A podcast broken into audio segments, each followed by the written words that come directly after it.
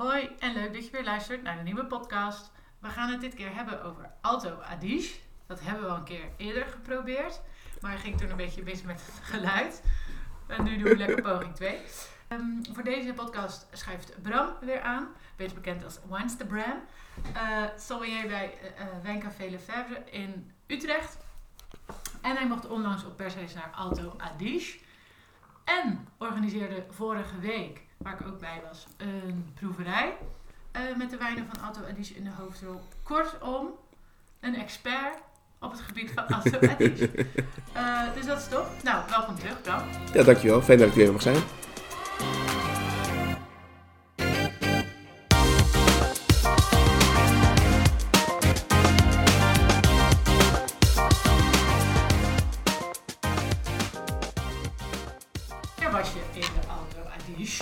Eh, dat was begin september vorig jaar. Eh, en toen vond het Auto Adige Wine Summit plaats. Een uh, tweejaarlijks terugkerend heel groot evenement. Mede dankzij een flinke sponsoring van de Europese Unie. Werd het ook echt een, echt een evenement. Duurde vier dagen in totaal. Mhm. waarbij je wijngaarden bezocht, echt een conferentie bezocht. er werd zeer goed voor je gezorgd. Er was zelfs op een avond een drie Michelin sterren diner. Met de Oh. enige drie Michelin sterren chef van Alto Adige. Dus Goeie Ja. subsidie. precies. Superleuk. Oké, ehm, nou, wij hebben natuurlijk binnenkort onze grote examen van eh, de diplomakoers. Mhm. Eh, dus ik dacht van, eh, we gaan gewoon de komende maanden eigenlijk podcasts opnemen over streken. Dan zoomen we wat meer in op de streken. Dus we beginnen gewoon bij Adige. Begint ook met de A. Daarom, hartstikke handig. En dan moeten we het altijd eerst hebben over de geschiedenis. Nou, laten we beginnen met dat het een van de eh, meest noordelijke wijnbouwgebieden van Italië is. Eh, en waar het schittert door vooral het gebruik van internationale druivenrassen en het gebrek aan een ingewikkeld DOC-systeem. Ah, Dus dat maakt, het erg, dat maakt het erg makkelijk. ja, op zich weer handig, ja. Aan de andere kant is het heel erg ingewikkeld, want nu komt het op een stukje historie. Het is een gebied wat pas sinds 1919 bij Italië hoort. Daarvoor Oh, was het ja. onderdeel van het Oostenrijks-Hongaarse Rijk. Eh, Dus iedereen praat ook Duits. Iedereen praat dat Duits, dat is echt de, de eerste taal. Mhm. Alles is dubbeltalig. Dus eh Bolzen of Bolzano, naam Ja. van de hoofdstad. Oh, ja. Je Alto Adige of Südtirol. Grauburgunder, Pinot Grigio, et cetera, et cetera, et cetera. En dat maakt het eh, niet altijd even makkelijk. Nee. Oh ja, want Südtirol betekent gewoon echt letterlijk hetzelfde als Alto Adige. Nee, Südtirol betekent Zuid-Tirol, het Oostenrijkse deel eigenlijk, hè, want- Tirol ligt daar vlak boven. Ja. Alto Adige betekent boven de Adige, de rivier die van, die van noord naar zuid naar beneden loopt. ja, maar het is wel hetzelfde. Het is wel hetzelfde gebied, Ja, alleen eh, de, de vertalingen van de twee namen zijn wel anders. ja precies. Cool. Nou, ik ben er trouwens ook een keer op persreis geweest. Alleen was dat in eh Alto Baden. Oké, dat is wat het skigebied. Ja, Ja. dat ligt daar ook eh, Mhm. wel in de buurt. En daar gingen we inderdaad een wine safari doen. Heel leuk. Ja. Staat ook op de club. Mocht je dat ook een keer willen doen. In maart meestal is dat. En dan kan je dus tijdens het skiën, serieus tijdens het skiën, alle wijnen proeven van de regio. Je hebt gewoon een soort eh, stempelpost, eh, net als bij de Elfstedentocht, waar je moet Ja. eh, stoppen en dan Elke krijg je een slokkie. Elke keer op de, op, de, op de top van de piste, zeg maar, bij die hutjes. Daar kon je dan proeven. Daar staan dan tafels vol met, met wijnen uit de streek. En, maar het is best heftig. Want je moet natuurlijk wel weer naar beneden. de. Pizza, pizza, pizza. Pizza puntje, was ik goed in, maar ben ook een paar keer gevallen. Eh, maar goed. De, Oké, dus de geschiedenis. Nou, er wordt al eeuwen wijn gemaakt. Ja. Ehm, maar eh, het is pas eigenlijk sinds de introductie van echte corporaties die tegenwoordig hele hoge kwaliteit maken, dat de kwaliteit ook echt met stappen vooruit is gegaan. Ja. Eh, en je merkt daarin dat ze maken 40 miljoen flessen wijn per jaar. En ze hebben geen enkele moeite om die te verkopen. Maar vooral in, het, eh, in Italië zelf. Ja, in eh, steden als Milaan, Turijn, het eh, rijkere noorden wordt heel veel Adige gedronken. Ja, want wij hebben, ehm, ik denk dat in Nederland iedereen Alto Adige, of dat gebied van Italië, snel associeert met Pinot Grigio. Ja, dat is ook heel Noordoost, heel, heel Noordoost-Italië is natuurlijk een beetje Pinot Grigio Ja. gebied. gebied.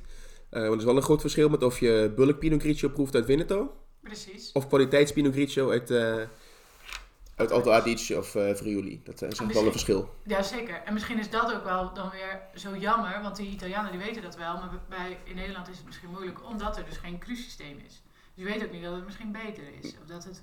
Wat lastige eraan is dat als je een fles Pinot Grigio uit Alto Adige ziet en je moet er 15 euro voor betalen in plaats Ja. van 5 euro bij de Appie, dat dat natuurlijk, het maakt hier in Nederland, lastiger, om- lastiger om te verkopen. Ja. Maar aan de andere kant, als je eh, een goede Moeder Turco verkoopt, onder een mom van dit is echt een hele goede wijn, of Mhm. een hele goede Lagrein of Pinot Nero, dan, Ja, hè, dan weten mensen ook wel, oké, dit is iets anders dan Pinot Grigio en daar moet je meer voor betalen. klopt. Maar dan moet je toch wel, moet je het wel echt weten. Dat klopt helemaal. Dat klopt sowieso. welke druivenras, want je noemt er al een paar op, maar ik weet nog van eh, de grote proeverij vorige week Hm. dat er 17 zijn. Althans, dat staat in mijn boekje. Ja, eh, en het is grotendeels eh, internationaal. Dus denk aan de, de Pinots. Pinot Nero, Pinot Bianco, Pinot Grigio. Chardonnay, Sauvignon Blanc, Gewürztraminer. Mhm. Wat ze daar zien als een lokale druif. Vanwege de aanwezigheid van het dorpje Tramine Ja, in de, in de vallei daar. Eh, daarnaast heel veel lokaal Schiava, of Vernatje in het Duits. ja, En Lagrein, allebei blauw. En eh, in, het me- in het noordelijkere deel, het Eisacktaal, heb je heel veel Müller-Thurgau, Riesling, Gruneveltliner, Sylvaner en het lokale druifje Kerner. oh ja, Kerner. De aromatische. Eh Zo'n 60% is wit, 40% rood en er zit een heel klein beetje rosé en zoet tussen, maar dat is echt eh, te verwaarlozen. En mousserend? Niet zoveel. Nee. Er zijn een paar producenten die echt wel hoge kwaliteit maken. Want de ik had nog nul bubbels geproefd eigenlijk. Tot de laatste dag daar. Toen was er een brunch voordat we terug gingen, terug gingen naar Nederland. En er stonden alleen maar mousserende wijnproducenten. Uit Alto Adige. Uit Alto Adige. En het was allemaal heel goed, maar het zijn er echt maar een paar. Oh ja. Als je bubbels wil drinken, moet je echt naar Trentino. Maar die, maar, en die bubbels blijven waarschijnlijk ook allemaal daar. Ja, ja ik kon geen, eh, eh, voor, de, voor de tasting van afgelopen vrijdag geen Alto Adige bubbel vinden hier in Nederland. Nee. Dus hebben we Trentino geproefd. eh, ja, was ook. Ja, was heel lekker. Ja, absoluut. niks mis mee. Nee. Oké, en de, het klimaat? Wat kan je daarover vertellen? Eh, het is een mild continentaal klimaat. Dus het is daar eh, zomers warm, winters zijn koud. Dat is de reden dat je er goed kunt skiën. Zeker. Ehm, eh, voldoende bescherming vanuit het noorden tegen de koude wind uit de Alpen. Ja. Waardoor het daar ook warm genoeg blijft. En het belangrijkste is toch wel het hoogteverschil. Mhm, Bij de wijngaten tussen 3 en 700 meter liggen ongeveer. En tegenwoordig zelfs richting de 1000 of nog hoger. mhm. Waardoor je een groot verschil hebt tussen dag en nacht. Ja. Dat, dat rekt de rijpingsperiode zorgt voor frisheid in de druiven. Waardoor voornamelijk ook de frisheid in de wijn eigenlijk altijd de hoofdrol speelt in het, eh, in het gebied. En alle eh, wijngaarden liggen, neem ik aan, op het zuiden. Steile Ja, wijngaarden op het Allemaal vallen op het zuiden inderdaad steile wijngaarden. Allemaal eh, boven de vallei, want in de vallei verbouwen ze vooral appels. Oh ja, en de Ja. rest, precies de beroemde appels. En de wijngaarden liggen echt vanaf een meter of 300 eh, en dan verder de lucht in. en is het zo dat de betere, eh, de betere wijnen van de hoger gelegen gebieden komen? Mm, niet per se? niet per se, maar dat, je zou natuurlijk qua, eh, qua frisheid en zo zou je dat wel zeggen, ja. Ja. Maar ik heb genoeg wijnen geproefd, geproefd die van 250, 300 meter komen, die gewoon echt wel heel goed waren. goed waren. En zit er nog een verschil in ehm, de, de aanplant, zeg maar? Dus lager gelegen gebieden meer rood? Ja, sowieso. Je hebt sowieso eh, je hebt een klein deel bijvoorbeeld Cabernet Sauvignon, dat zijn echt de lagere Ja, wijngaarden. natuurlijk, ja. Want anders was het niet rijp. Ja. Eh, en hoe hoger je gaat, hoe, hoe meer je richting wit gaat, inderdaad. Mhm. Want het zijn de druiven die beter die fraîcheur kunnen behouden eh, en langer kunnen rijpen. Eh, die warmte nodig hebben natuurlijk. Juist, juist. Dus die kunnen tegen een stootje s'nachts, Ja, basically. Oké, weinig houtrijping. Qua stijl? Of het- ja heel weinig. Het is echt vergist op lage temperatuur. Ja. weinig houtinvloeden. Eh, op een paar rode wijnen na en her en der een mooie Chardonnay met, en Pinot Noir natuurlijk. Pinot Noir heeft over het algemeen wel een hout, maar het is echt eh, fris, fris, fris, fris, Ja. fris. Dus dat is, dat is wel echt zelf fris fruitig Ja. eh, en subtiel hout. Ja. Oké. Eh, welke wijngaarden heb je bezocht? Eh, de, op de derde dag van het Alto... Nee, nou ja, op een dag van, het- van de summit. Ik weet niet meer precies welke dag het was. eh, ging je op een tour. Mhm. En je kon van tevoren aangeven welke tour je wilde doen. Die tour was allemaal toegespitst op een bepaald druivenras. Ja? En ik heb, aangezien ik een eh Pinot-file ben, zoals ze dat zo mooi noemen, voor Pinot, voor Pinot Nero gekozen. Mhm. En daarbij hebben we bezocht de wijngaarden van Frans Haas. Wat een Ja. van de echte topproducenten is. Hebben we Ehm, geproefd natuurlijk voor Ja, hebben we ook geproefd. Eh dan gingen we naar een wijngaard op 1150 meter hoogte, die ze aangeplant hadden speciaal voor eh, climate change. Om, Oh het, ja. eh, om te kijken wat dat doet. En Is dat zat- ook een van de, eh, van de hoogste? Ja, denk ik wel. Ja. Dat was echt 1150 meter, dat was het ook echt koud. Ja. Eh, je ging richting oogsttijd en de druiven waren nog echt niet rijp. Dus dat Oh is echt een soort... was er in september. Ja, precies. En over een week of twee, werd er, week, twee, één of twee weken later, werd er, op heel veel plekken geoogst worden. Maar hier waren de druiven echt oneven rijp. eh allemaal nog verre zon was misschien net gestart. Dus het was echt nog een experimentele wijngaard. Ja, ja, ja. Maar wel heel gaaf om te zien. Ja. We zijn bij Hannes Fischer geweest. Eh, een hele jonge man die een paar jaar geleden het overgenomen heeft van zijn vader. Mhm. En iemand die verschrikkelijk onderlegd is. Eh, die tour eh, mocht ik de eer dat ik met een paar Masters of Wine op pad mocht. En die hebben hem de oren van zijn kop gevraagd. En dan kon overal in perfect Engels antwoord op geven. Hm. Echt wel echt wel heel bijzonder. Ehm, ja. en wat heel erg opviel eigenlijk in alle, in alle wijngaarden, is dat alle wijngaarden heel gezond zijn. Je merkt, er, is er zijn weinig ziektes. Allemaal met eh, eh, eh, concurrerende gewassen in de wijngaarden. Overal Ah, ja. gras. Als je in de wijngaard stond, je, je, je voelde gewoon dat de wijngaard bewoog. Ja. En dat er veel leven in zat. Ehm, En is En- het makkelijk? Regent het niet veel daar? ehm, niet heel veel, maar wel steeds extreem, extremer. Oh ja. Dankzij klimaatverandering. Hagel, heftige regenbuien. Maar daarom hebben ze heel veel gras in die wijngaarden. Dat zorgt ervoor dat je minder erosie hebt. Ja. Eh, en er mag trouwens geïrrigeerd worden. Er zijn weinig wijngaarden die dat doen, maar het mag gewoon. Dat is toegestaan. En het derde huis dat we bezochten was eh Cantina Gierland, een van de coöperaties. En die, Oh ja. daar hadden we te maken met een brandmanager. Wat het neefje is van Hannes Fi- Hannes Fietsen, waar we daarvoor waren. Oh ja. En ik heb nog nooit een brandmanager meegemaakt die zoveel technische kennis had. Oh, met leuk. Ja, de meeste brandmanagers doen echt een eh, verkoopverhaaltje. Ja. En deze eh Mark heet die, die echt, eh, heeft ook, heeft ook viticulture gestudeerd. Dus die wist precies waar hij over Ja. praatte, wist precies wat er in beter. alle wijngaarden gebeurde. En eh, ja, Anders dan heb je soms twee vragen en dan, en dan kijken ze je aan van... Hey, ja. ja, precies. Ja, en wat wel heel mooi was, als je daar in die wijngaard van hun stond, je kon precies de, de, de verschillen zien. in, ja, dus eigenlijk de terroirs. In het midden van de vallei heb je heel erg het vulkanische gesteente, de prehistorische gesteente. En aan de zijkanten van de vallei echt het kalk, wat door de, door de gletsjervorming de vallei ingedrukt is eigenlijk. Ja. En dat kon je heel mooi zien. Je zag ook aan de overkant Tramien liggen, het dorpje waar Kaboetstramine zogenaamd vandaan zou Ja. komen. Daar ben je ook nog geweest? Nee, daar ben ik niet geweest. Maar ik heb het dus wel gezien. Oh, je bent ook geen fan van Thermometer, toch? Nee, daarom. Ehm, en welke, welke type ter terroirs zijn er? Naast de- nou, je, hebt, je, hebt, je hebt vooral vul- vulkanisch gesteente, een Ja. klein deel schist en het grootste gedeelte is kalk. Ja. Ehm, en is het meeste dan biologisch of is het meer eh, dat, het, dat ze een soort van duurzaam boeren? Ja, het dat is vooral inderdaad duurzaam. Ik heb niemand echt horen, horen rappen over biologische certificaten of zo. Ik moet ook zeggen, als ik erover nadenk nu over eh wijnhuizen die ik heb gezien of wat dan ook die certifice- certificering hadden, kan ik me ook niet herinneren eigenlijk. Ook niet qua onderzoek naar de proeverij van afgelopen weken of wat dan ook. Nee. Maar je merkt wel dat ze in ieder geval zorg dragen Ja. aan hun Nou, wijngaarden. Dat is natuurlijk sowieso goed.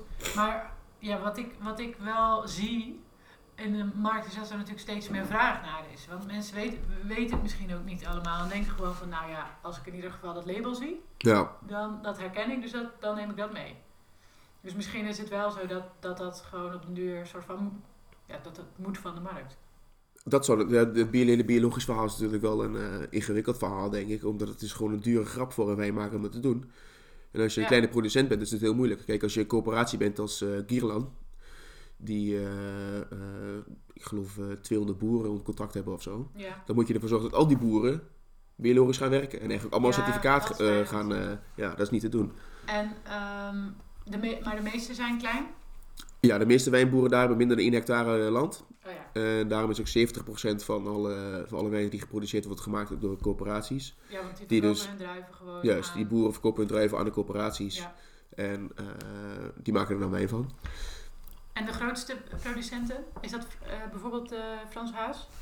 Nee, Frans Haas is niet de grootste. Ja, mis- misschien op het Naast gebied van eigen, naast de ja, denk ik Ja. wel. Ja, Frans Haas is wel een van de grootste. In ieder geval de beroemdste. En welke hadden we nog vorige keer?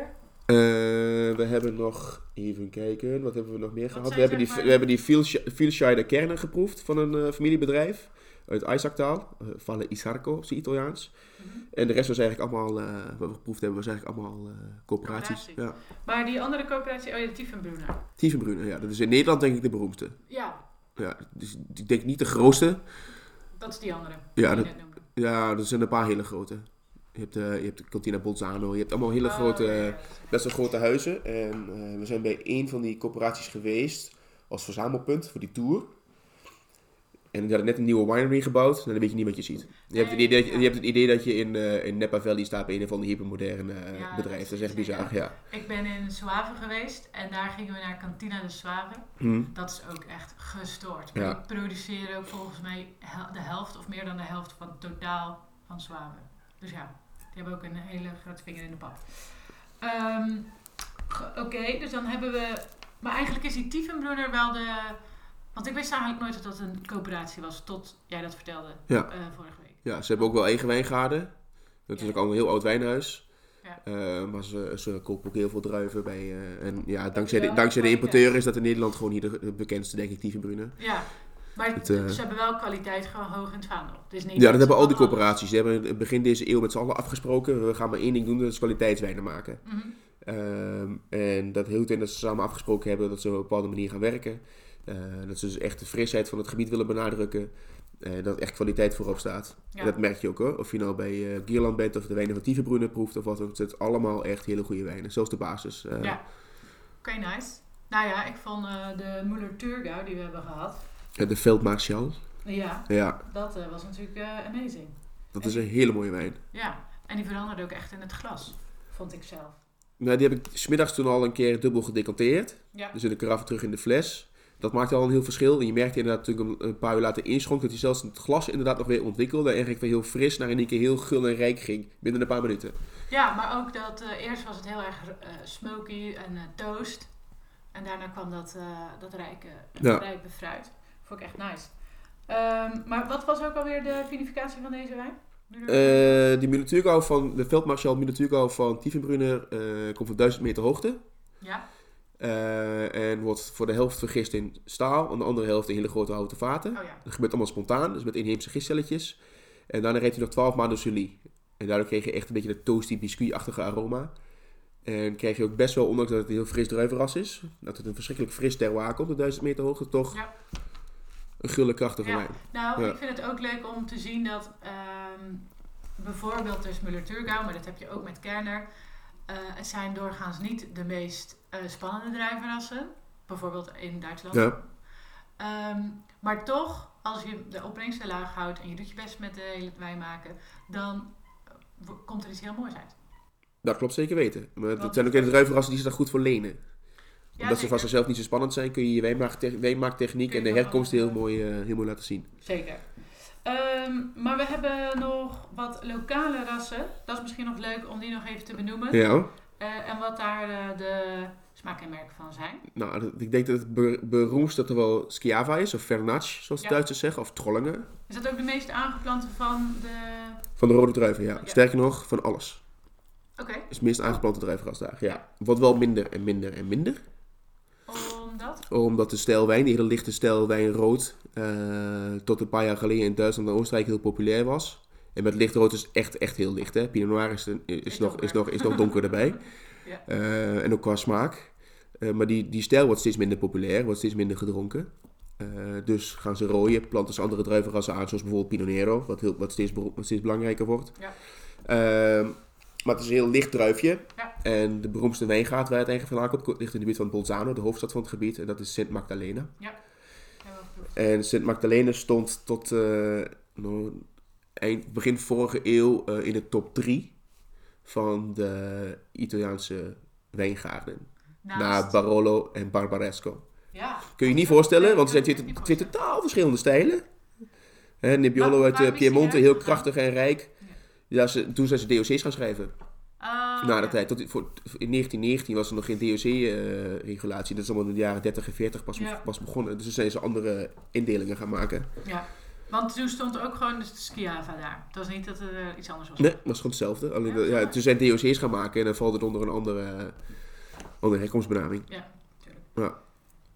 Eh, we hebben dus daar hebben inderdaad een wijn van geproefd. Maar wat ik wel weer gek vind eigenlijk, is dat wel een soort van wereldwijde trend, I guess, in ieder geval in Nederland, dat we juist lichte wijnen willen. Ja, maar dit is heel licht, hè? Ja, oké, maar gewoon eh, weinig alcohol en zo. Ja, En ja. dus ook een beetje, maar dat is zeg maar, aan de ene kant willen we dat, maar aan de andere kant eh, zoekt de wereld natuurlijk ook weer naar die blockbusters, want die blijven immens populair. Nou ja, het, het is zelfs zo. De, toen wij die, we vlogen op Venetië, die- toen we daar naartoe gingen. Mhm. En toen zouden we halverwege eh, de rit naar eh Bolzano, wat de Mhm. echte eindrijden is, kan ik je vertellen. Zouden we ergens stoppen voor een proeverij, waarbij ze eh Alto Adige Cabernet Sauvignon tegenover Bulgari in Toscane zouden zetten en tegenover Oh Bordeaux. ja, oh ja, ja. ja. Ja, die proeverij hebben we gemist omdat ergens een vrachtwagen op de weg lag. En onze taxichauffeur de weg niet meer wist. Maar eh, die blockbusters maken ze daar dus ook. Ja. Eh, ik ben er niet heel erg onder de indruk, eerlijk gezegd. Eh, want het was echt, ik heb er een paar geproefd daar. Het was alcoholisch en te veel hout en Ja. te heftig. Ja, ja. Dan, heeft, dan, heeft- dan is Bulgari en Bordeaux natuurlijk net iets eleganter misschien. Maar toen we s'avonds bij het eerste diner toch nog even een briefje onder onze neus gedrukt kregen met de uitslagen van die proeverij, had Alto Adige natuurlijk alles gewonnen. Uiteraard. Ja. Zo gaat het. En andere be- bero- be- belangrijke dru- blauwe druiven is nog Lagrein. Oh ja. Ja, en daar maken ze wel een beetje blockbuster wijnen van. Ja, die hebben ook wat meer hout. Ja, vaak met hout, eh, langere schillinweking, waardoor het echt wel eh, krachtige wijnen zijn. Ehm, ja, ik heb een paar hele mooie voorbeelden geproefd die we zelf geproefd hebben. Afgelopen vrijdag vond ik eigenlijk best wel lekker. Ja. Eh, ook omdat Ja, hij best wel in balans was tussen, tussen het hout en het donkere fruit. Maar er zaten ook een paar wijnen tussen toen we daar waren. Die waren ook weer too much. Vaak, vaak ook geblend met Cabernet of Merlot. Eh, om het iets meer internationale allure te geven misschien. Is het een aanrader om naartoe? Om naartoe te gaan, Ja. absoluut. En niet alleen vanwege de wijn. Eh, Vanwege kunt, de appels. vanwege de appels natuurlijk. Nee, je kunt er fantastisch wandelen. Je kunt er nog veel beter skiën. Zeker. Eh, kan ik beamen. Je kunt er heel goed eten. Sla alleen de knuddels over. Ja. Vraag dat maar aan meneer Smulders. ja. Ehm, maar, eh, en het is, vooral Bolzano is een hele leuke stad waar heel veel te doen is. Eh, en zoals ik al zei, het is een prachtig gebied. Mhm, mhm. Het is niet alleen maar wijn. Wat natuurlijk wel voor mij de hoofdreden is om er naartoe te gaan. Maar je kunt er nog veel meer doen dan alleen maar dat. Verwacht niet eh een of ander warrig Italiaans dorpie. Nee, het is echt Deutsche Punktlichkeit ten top. Strak, recht georganiseerd. Alles Ja, is eh, goed geregeld. Lekker Duits. Eh, ja, in principe echt, echt waar. Lekker Duits. De ontbijtdames die vroegen niet of je koffie wilde. Die vroegen alleen maar bitte. en meer werd er niet gevraagd. Streng. Ja. Ik ben nog eh, toen naar de Hotel Perla geweest. Dat, dat is een heel chic hotel. Maar wij gingen daar eten. En zij hebben de Mahatma-kelders. Genoemd naar Gandhi.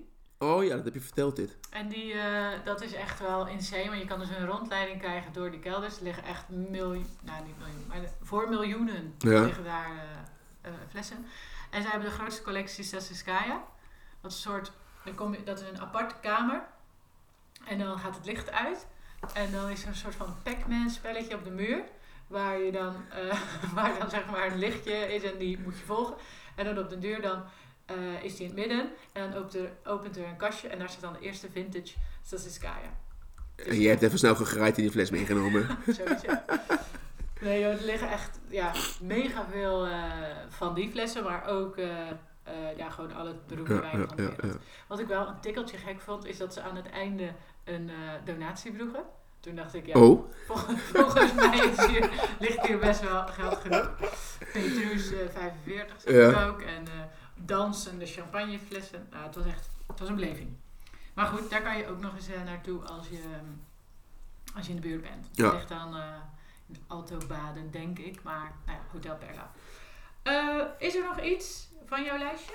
we hebben overgeslagen? nee, ik zou in ieder geval willen zeggen dat ik vind dat het een gebied is met heel erg veel potentie nog. Voor de Nederlandse markt. Maar ook voor de rest van de wereld. Eh, het nadeel daarvan is dat ze dan misschien te veel zullen gaan produceren. Terwijl het nu, nu op dit moment gewoon echt heel goed is. Mhm. Ehm, en ik zou zelf eh, ja, willen, willen zeggen dat ze zich moet, toe moeten spitsen op eh, duidelijkheid naar buiten toe. Dus Maak het misschien één taal. een, eh, Zorg ervoor dat, oh je, ja, DOC, dat- re- dat ja. je DOC iets duidelijker wordt. Zorg ervoor dat de, de communicatie op je etiket, naar, naar de- in ieder geval, niet, misschien niet in Italië zelf, maar in de rest van de wereld, dat het duidelijk op staat in één taal waar het vandaan komt. En dan in mijn geval zou ik zeggen Italiaans, want het is Italië. Ook al voelen ze zelf niet, zichzelf niet zo. ja. Maar, dat is eh, lastig. Precies. Maar communiceer naar de buitenwereld toe wie Ja. je bent en wat je doet. eh, op een duidelijke manier. Ja. Want dat is nu nog wel eens verwarrend. En eh, stel ze gaan een crucisysteem of naar een crucisysteem toe werken of ze willen zeg maar in ieder geval de AOC verduidelijken. Wat zou dan een manier zijn? Een beetje alle begonnen, denk ik. Dus zoek, zoek uit wat de beste wijngaarden zijn en geef die een klassificatie. En misschien ook eh, op, op basis van hoogte? Dat, dat speelt daar zeker weten in mee, ja. Ja. Absoluut. Helemaal eh, met het oog op de toekomst. Denk je dat het er komt? Nee. het is, het ondanks dat het een, een, een vrij Duitse regio is, is het blijft het Italië. hè. Ja. Ze kunnen daar wel beslissen dat ze dat willen, maar als ze in Rome beslissen dat het niet doorgaat, dan... eh, ja, Gaat het niet door. precies. Oké, nou dan zijn we, zijn we rond. Mooi. Denk ik zo. Top. Nou, bedankt voor het luisteren weer allemaal. En als je een eh, idee hebt voor een volgende streek, of je wil iets weten over bepaalde wijn of vinificatiemethode, whatever, laat het ons weten op Instagram. Onze, onze eigen Instagram-account, uh, Le Club en Sommelier de podcast. Uh, Bram is natuurlijk op Instagram te vinden. Op Winestagram. Uh, dus als je vragen hebt over Alto Dish of over iets anders, kan je dat natuurlijk ook altijd uh, aan hem vragen. En abonneer op ons account. Uh, dat zit in de Apple Podcast app en op Spotify. Joejoe, bedankt!